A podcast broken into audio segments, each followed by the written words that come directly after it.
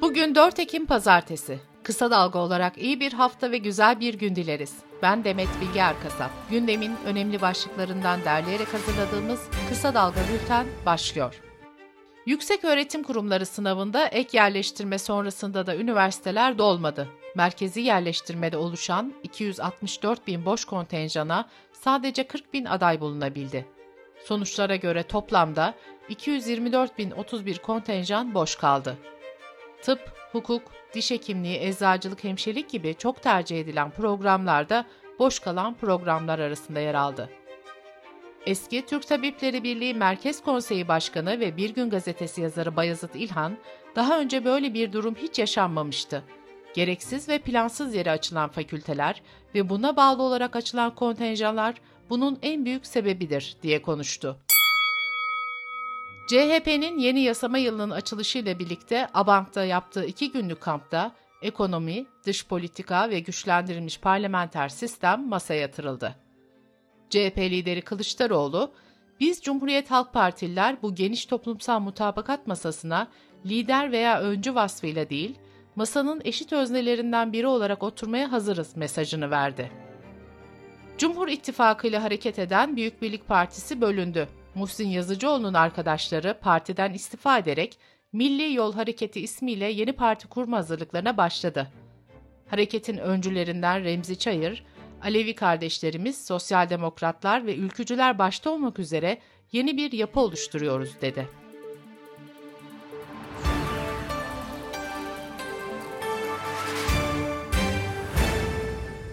Türkiye Büyük Millet Meclisi yönetimi zaman zaman sert tartışmaların hatta yumruklaşmaya varan kavgaların yaşandığı genel kurul salonunda vekillerin stres ve gerginlik birikimini önlemeye yönelik tedbirler aldı. Bu kapsamda zemine antistatik halılar döşendi. Özellikle elektronik sistemlerden kaynaklanan vücuttaki yoğun elektrik birikimini önlemek için zemine bakır tel topraklama yöntemi uygulandı. Türk Tabipleri Birliği'nin açıklaması resmi olmayan bilgilere göre 18 ayda 8 binin üzerinde hekimin istifa ettiğini ortaya çıkardı. Yurt dışında yaşamak için iyi hal belgesi talep eden hekim sayısı ise binlere ulaştı. Ayda yaklaşık 80 hekim de yurt dışında görev yapmayı tercih ediyor. İçişleri Bakanlığı Afet ve Acil Durum Yönetimi Başkanlığı tarafından başlatılan İl Afet Risk Azaltma Planı çalışmalarında 61 ilin afet riski tamamlandı. 20 ilin haritasının yıl sonuna kadar bitirileceği belirtildi.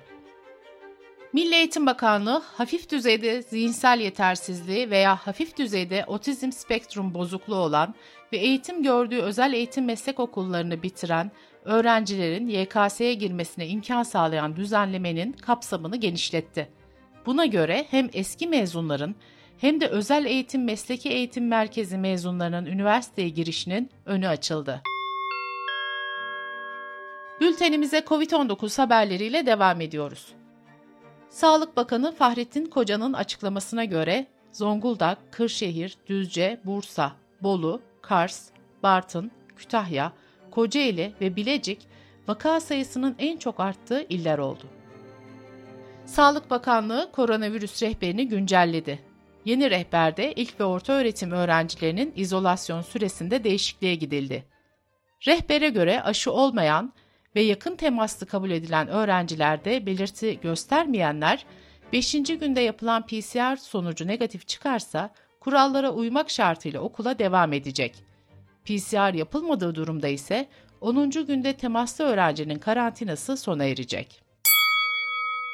Amerikalı ilaç şirketi Merck, COVID-19'a karşı geliştirdikleri deney aşamasındaki hapın virüse yeni yakalanmış kişilerde hastaneye yatmayı ve can kaybı riskini yarıya düşürdüğünü duyurdu. İlacın bir hasta için ücretinin yaklaşık 700 dolar yani 6200 Türk lirası olacağı öngörülüyor. CHP'li Murat Emir, Devlet Malzeme Ofisi'nin 20 milyon PCR test kiti ihalesini ikinci kez ve yine son anda ertelediğini duyurdu.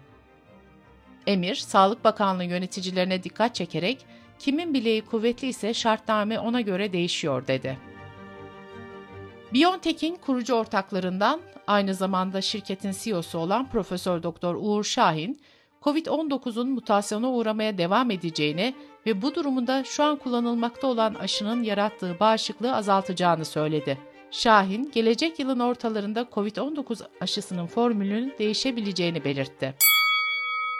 Kaliforniya, okul öğrencilerine koronavirüs aşısı yaptırma mecburiyeti getiren ilk ABD eyaleti olmaya hazırlanıyor. Kaliforniya Valiliği, gelecek yıldan itibaren aşı yaptırmanın derslere katılmak için şart olacağını açıkladı. Korona vakaları son dönemlerde delta varyantı nedeniyle birçok yerde artmaya devam ederken pandeminin başlamasından bu yana tespit edilen vakaların sayısı dünyada 5 milyona ulaştı. Virüs kaynaklı can kayıpları ise en fazla Amerika'da ardından Rusya, Brezilya, Meksika ve Hindistan'da meydana geldi. Sırada ekonomi haberleri var. Ekim ayında elektriğe zam yapılacağı tartışmaları sürerken CHP lideri Kılıçdaroğlu Abat'taki kamp açılışında yaptığı konuşmada zam yapmaya kalkarlarsa gerekirse kademeli olarak halkımızı tüketimi durdurmaya çağıracağız dedi. Türkiye İnşaat Malzemesi Sanayicileri Derneği aylık sektör raporunu açıkladı.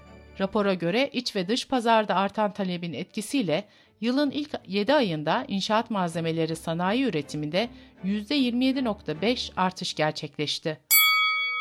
Hükümetin ekonomik reformlar paketiyle açıkladığı suistimaller ve istisnalar nedeniyle kamuoyunda eleştirilen kamu ihale yasası değişikliğinde sona gelindi. İhalelere giremeyeceklerin kapsamı genişletilirken yeterlilik belgesi yerine sertifika zorunluluğu getirildi.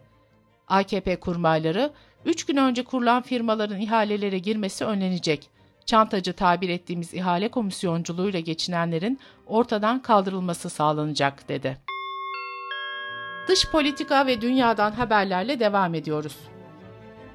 Amerika'da Teksas eyaletinde kürtajı yasaklayan, tepki çeken yasaya karşılık ülkenin 50 eyaletinde kürtaj hakkı protestoları düzenlendi. Eylemlere on binlerce kadın katıldı. Teksas 6 hafta sonrası kürtajı her durumda yasaklayarak ülkenin en katı kürtaj yasağını hayata geçirmişti. Almanya'da 9 eski asker hakkında göçmenlere saldırı planladıkları şüphesiyle soruşturma başlatıldı. Suçlamalar arasında silahlı bir örgütü yönetmek iddiası da bulunuyor. Örgütün yöneticisi olduğu belirtilen kişinin Savunma Bakanlığı'nda görevli bir uzmanla yakın ilişkiler içinde olduğunu itiraf ettiği belirtiliyor. ABD'nin en büyük kenti New York'ta silahlı şiddet ve çeteler arasındaki kavgalar giderek tırmanıyor. Silah şiddeti ve çete savaşlarının en büyük kurbanı ise çocuklar. Amerika'nın Sesi.com'un haberine göre bu yılın ilk 9 ayında yaşları 10 ila 17 arasında olan 105 çocuk yaralandı, 21 çocuk yaşamını yitirdi. Çetelerin çocukları eyaletin adli sistemindeki boşluklardan yararlanarak ceza indirimi, ceza muafiyeti gibi yasalar yüzünden tercih ettiği belirtiliyor. Çetelerin ayrıca çocukları uyuşturucu dağıtımı, gasp, soygun ve tetikçi olarak kullandığı da belirtiliyor.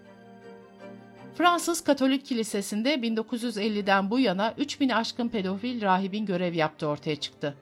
Yaşanan istismarlara ilişkin bağımsız bir komisyonun hazırladığı rapor salı günü açıklanacak. Mağdur dernekleri ve temsilcilerinin davet edileceği basın toplantısında kamuoyuna açıklanacak rapor, Fransa Piskoposlar Konferansı'na ve Dini Enstitüler ve Cemaatler Konferansı'na teslim edilecek. Bültenimizi kısa dalgadan bir öneriyle bitiriyoruz. Timur Soğan kısa dalgada gerçek suç hikayeleri anlatmaya devam ediyor. Bu kez çok karanlık ve derin ilişkilerin, ajanların peşinden gidiyoruz. Timur Soykan, Stockholm, İstanbul, Van ve Tahran hattında bir kaçırma olayını resmi belgelerden aktarıyor. Kısa Dalga.net adresimizden ve podcast platformlarından dinleyebilirsiniz. Gözünüz kulağınız bizde olsun. Kısa Dalga Medya.